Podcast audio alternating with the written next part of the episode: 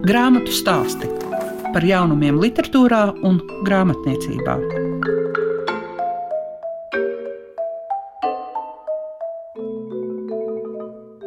Savu skanējumu sāk grāmatu stāsti, kurus veidojas liega piešiņa, un jūs vispirms dzirdēsiet par tīrību un higiēnas vēsturi un starptautiskās grāmatas autori ir Piotrs Soha, ilustrators un Monika Utņika Strūgala.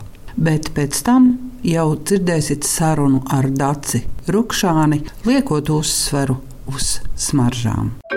Grāmatu stāsti programmā Klasika.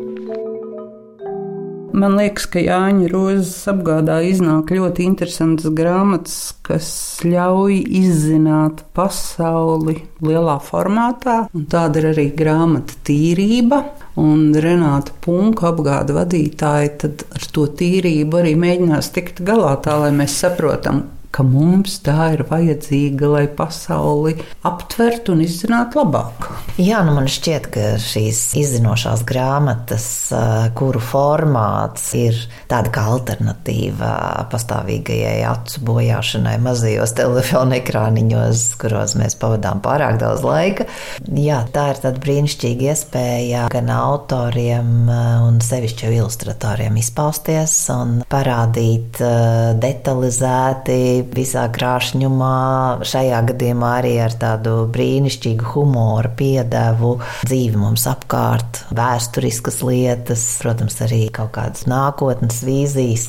Un uh, Piotrs Oha ir ļoti ievērojams un pasaulē labi zināms poļu ilustrators. Viņš ir tiešām šajā tandēmā, kas ir uh, strādājis pie grāmatas, tas slavenākā personība, jā, un, un faktiski tiešām arī grāmata ir tik bagātīgi ilustrēta domāta, ka tieši tāpēc pelnīti Piotrs Ohas vārds ir pirmais tajā tandēmā, un tikai tad seko autors vārds. Viņu izvēlētā tēma ir higiēnas vēsture. Mēs latviešu izdevumu nosaucām par tīrību. Nebrīnieties, jo man šķiet, ka tas tomēr ir tāds vārds, kas izsaka grāmatas galveno būtību un nav pretrunā ar to, ka sākotnēji autori, gan poļu izdevums, gan arī angļu izdevums saucas Dirt. Proti, mēs, protams, esam cēlušies no baktēriju, bacīļu, dubļu pasaules, bet no otras puses šī tieksme pēc tīrības dažādos laikos ir veicinājusi progresu,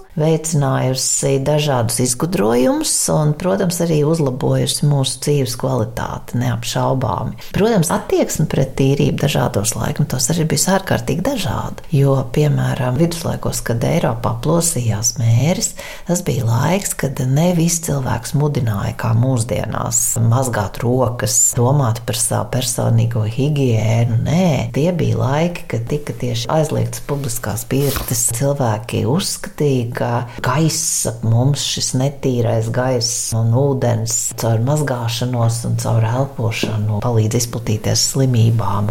Tāpēc eh, šī publiskā pēršanās, kas seno romiešu laikos bija ļoti izplatīta un publiskajās pirtīs notika visdažādākās lietas, tā bija tāda ļoti plaši apmeklēta, visiem pieejama, demokrātiska vieta, kur pulcējās visdažādāko slāņu cilvēki. Nu, viduslaikos tas tā vairs nebija. Nu, un īstenībā grāmatā mēs lasām arī slavenu personu izteicienu gadus.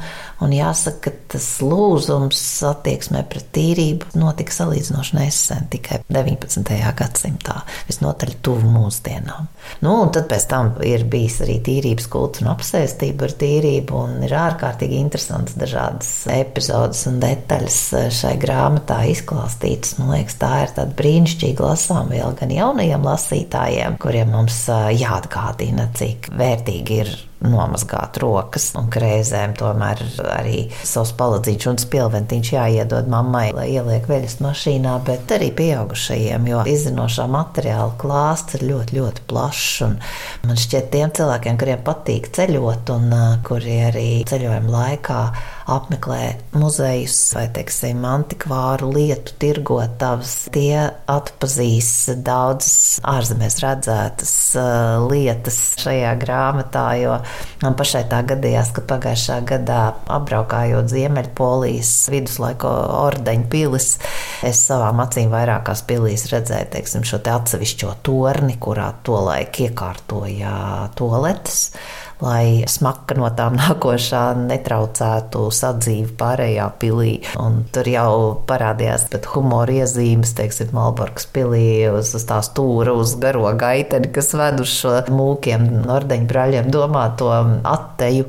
Sēž tāds ārkārtīgi saspringtiem, vaipstiem vēlniņš, kurš rāda to virzienu, kurā jāskrien, jo jāpasteidzas, lai nesenāktu gauži. Un tāpat ir ārkārtīgi daudz interesantu faktu gan par par to, kā frizieru māksla ir attīstījusies, gan par to, kā ir uh, radušās ziepes un šampūni, un ko, piemēram, sauc par poļu bīziju.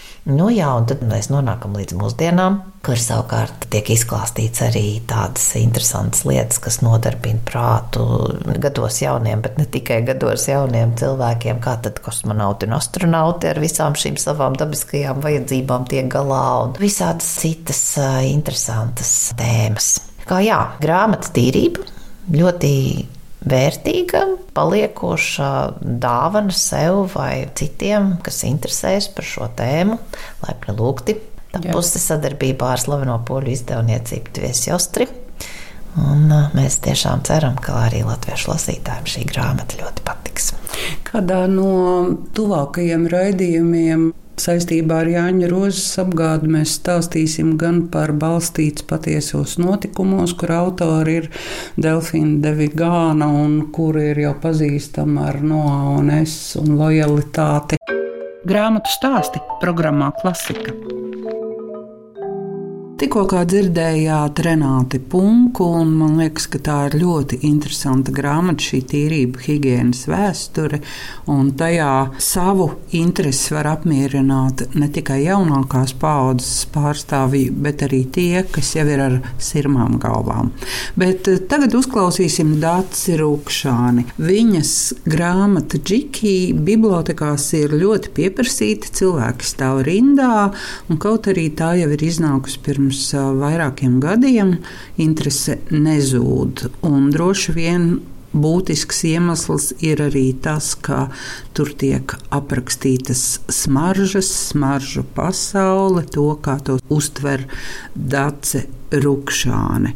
Bet uh, jautājums viņai vispirms ir par to, kas viņai ir grāmatu rakstīšana. Man ir daudz teikuši, ka man padodas, un es arī viņam noticu, ka tā varētu būt. Un, ko man vēl rakstīšana nozīmē? Nu, tas ir tā iespēja Es kādreiz domāju, ka rakstīt, ka tā varētu būt tāda kā pašterapija, un varbūt ar pirmajām grāmatām tā arī bija, kad uh, raksti un noraksti no sevis nost kaut kādas problēmas, sāpes, kaut kādas neatrisinātos jautājumus, bet pēcāk ar sarakstītajām grāmatām tur vairs tāda pašterapija nesanāk, jo tur visu jau to paspēja tajās pirmajās izrunāt, un tad vēlāk tā ir tāda drīzāk uh, pasaules kaut kāda spoguļošana, refleksija ar tiem notikumiem, kas notiek tevī un kas ir notikuši varbūt pagātnē pagātnē, ja ņem vērā tās vēsturiskās grāmatas. Tas ir kaut kā tāda miedarbība ar, ar citiem cilvēkiem un pašam ar sevi. Ar to nevarētu teikt, ka gluži ar visumu, bet. Uh, bet drusku jau arī ar visumu. Nu, drusciņi droši vien arī ar visumu. Jā, jo ir tādi momenti rakstīšanā, piemēram, kad tu raksti un tu nesaproti, ko tu raksti, bet tikai rokas skrien pa taustiņiem un pēc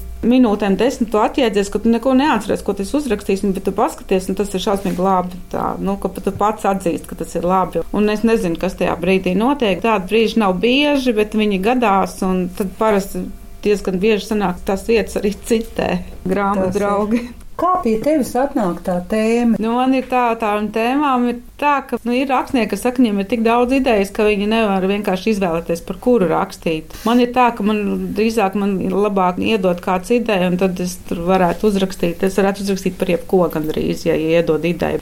Bet nu, es rakstu tās grāmatas par tām idejām, kas man pašai ienāk prātā, un ienāk prātā, kāpēc, nu, grūti, droši vien katrai grāmatai tas ir citādi. Gan krievādai, gan džikī, gan ķīpsās putniem. Katra ir tapusi savu tādu iemeslu vadīta. Nu, krievāda, piemēram, aizsākās ar uh, Gundegas repšas ierosmi, kad uh, viņa veidoja šo vēsturisko romānu sēriju Mēs 20. gadsimts, un pirms tam vēl bija stāstu krājums, kur tikai sievietes rakstīja stāstus par savām 20. gadsimta pieredzēm, pa desmit gadiem. Jā. Gundega teica, ka tagad visiem jāraksta romāns un pieslēdz vēl tur vīrieši arī klāt, ne tikai sievietes, un tagad visiem jāraksta romāns. Un es to romānu neuzrakstīju laikā, jo man nebija galīgi iedvesmas, man negribējās, un buļļājos kaut ko, un es beigās nolecu no tā projekta. Manā vietā uzrakstīja Andris Akmentiņš, skolotājs, brīnišķīgi romāni. Vienkārši es domāju, ka ļoti labi, ka es neuzrakstīju savādāk. Skolotāji nebūtu ieraudzījuši dienas gaismu, un es no tā projekta nolaidu, bet tā ideja man palika. Un tad, kad vairs nevajadzēja to obligātā kārtā, man uzreiz radās ideja, par ko tu rakstīt. Man gribējās izstāstīt to savu vecāku rašanās stāstu un savu vecāku pieaugšanu. Un tas bija tāds pēdējais brīdis, kad to noķert, jo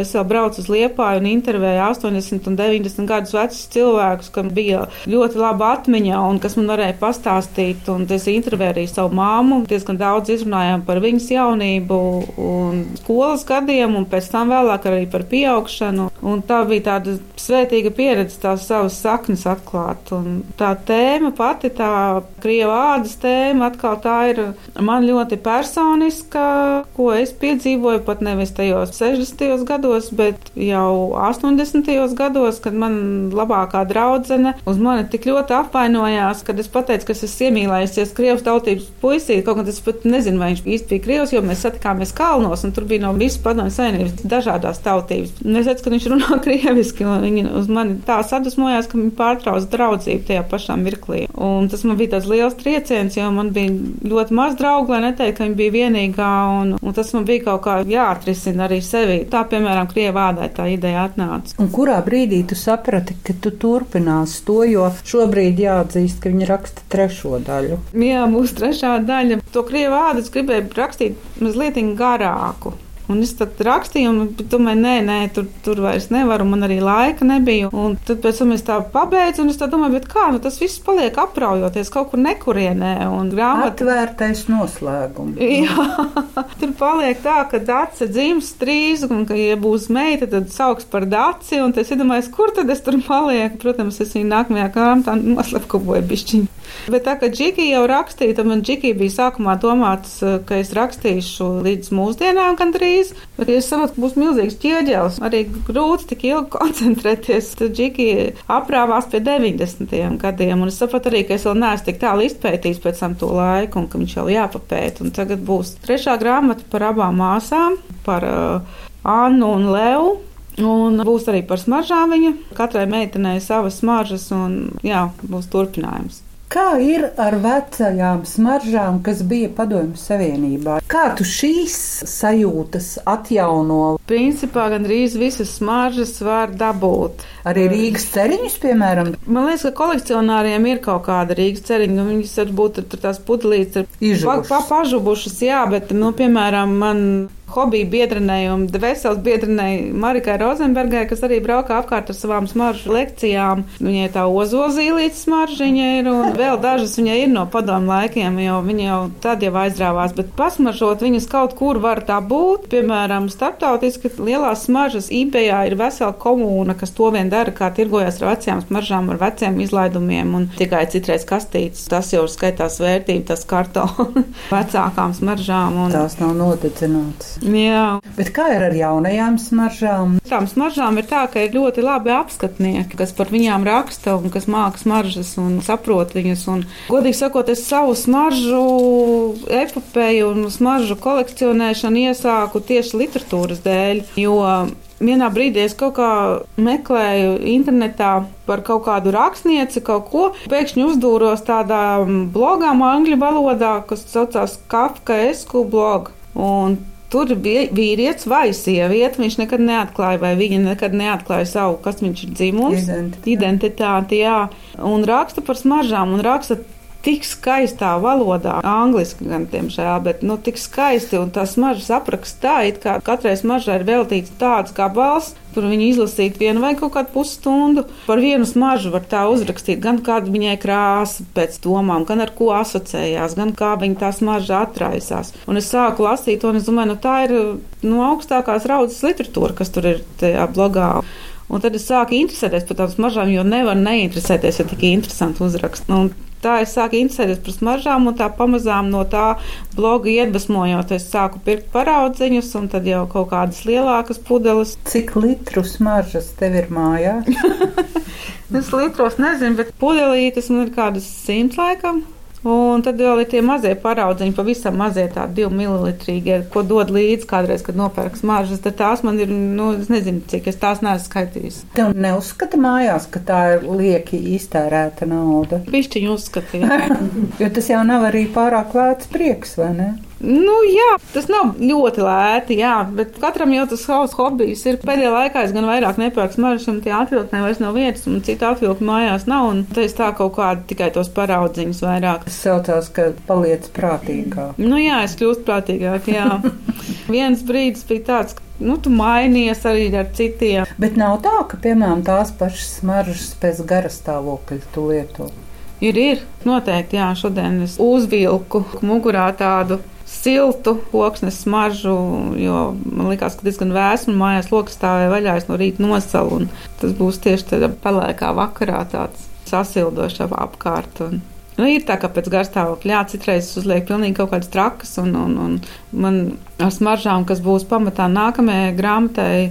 Vispār ir stāsts, ka katru reizi, kad es viņus uzliku, tad es iekūlos vienmēr kaut kādos piedzīvojumos. Es viņus lietoju, tā, ka man bija kaut kā 30 gadi, un tad vienmēr tie piedzīvojumi bija saistīti ar kaut kādiem vīriešiem. Un tad vienmēr bija traki, un tās smaržas pēc tam bija baili likt vēlāk, jo es domāju, atkal būs kaut kādas nepatikšanas vai patikšanas. Līdz ar to viņas tādas ļoti man tuvas un tādas ar lielu raksturu, un tur ir stāsts apakšā. Man vajag arī tādām smaržām ir stāsts katrai smaržai. Un arī šīm smaržām, gan krievu vādai, kurderus un džiki ir savi stāsti iekšā.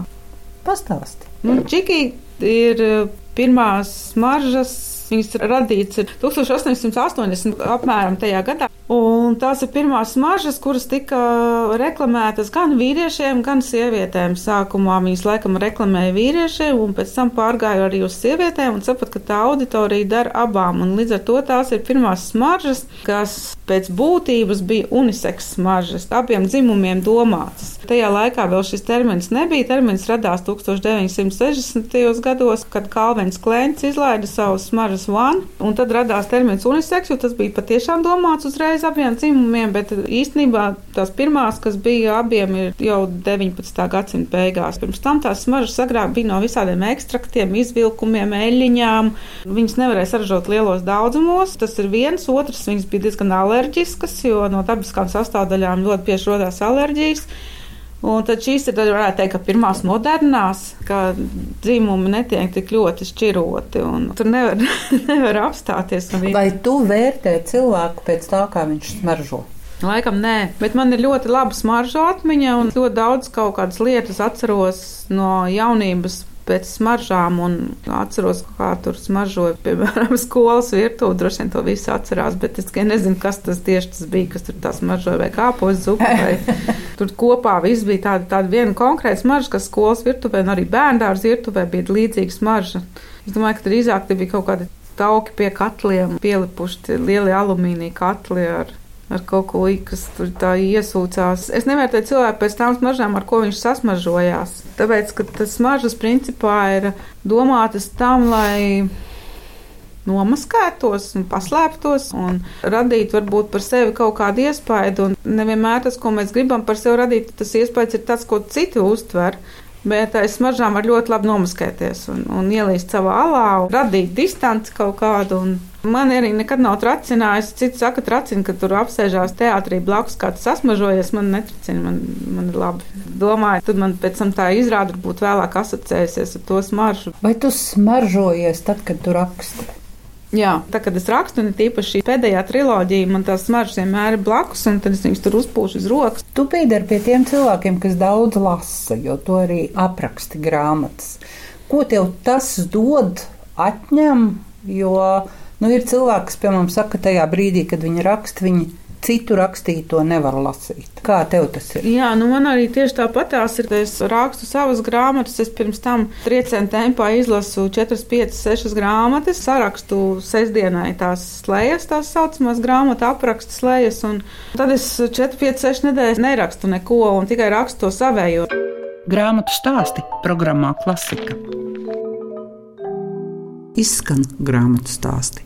Šīs dienas raidījumā bija par grāmatu tīrība un higiēnas vēsturi, kā arī uzklausījām Daci Rukšāni, kura šobrīd raksta jau trešo daļu, respektīvi turpinājumu Krievu ādai un džikī. Visu labu jums saka Lieka Piešiņa. Grāmatu stāsti par jaunumiem literatūrā un grāmatniecībā ik trešdienu, 9.5.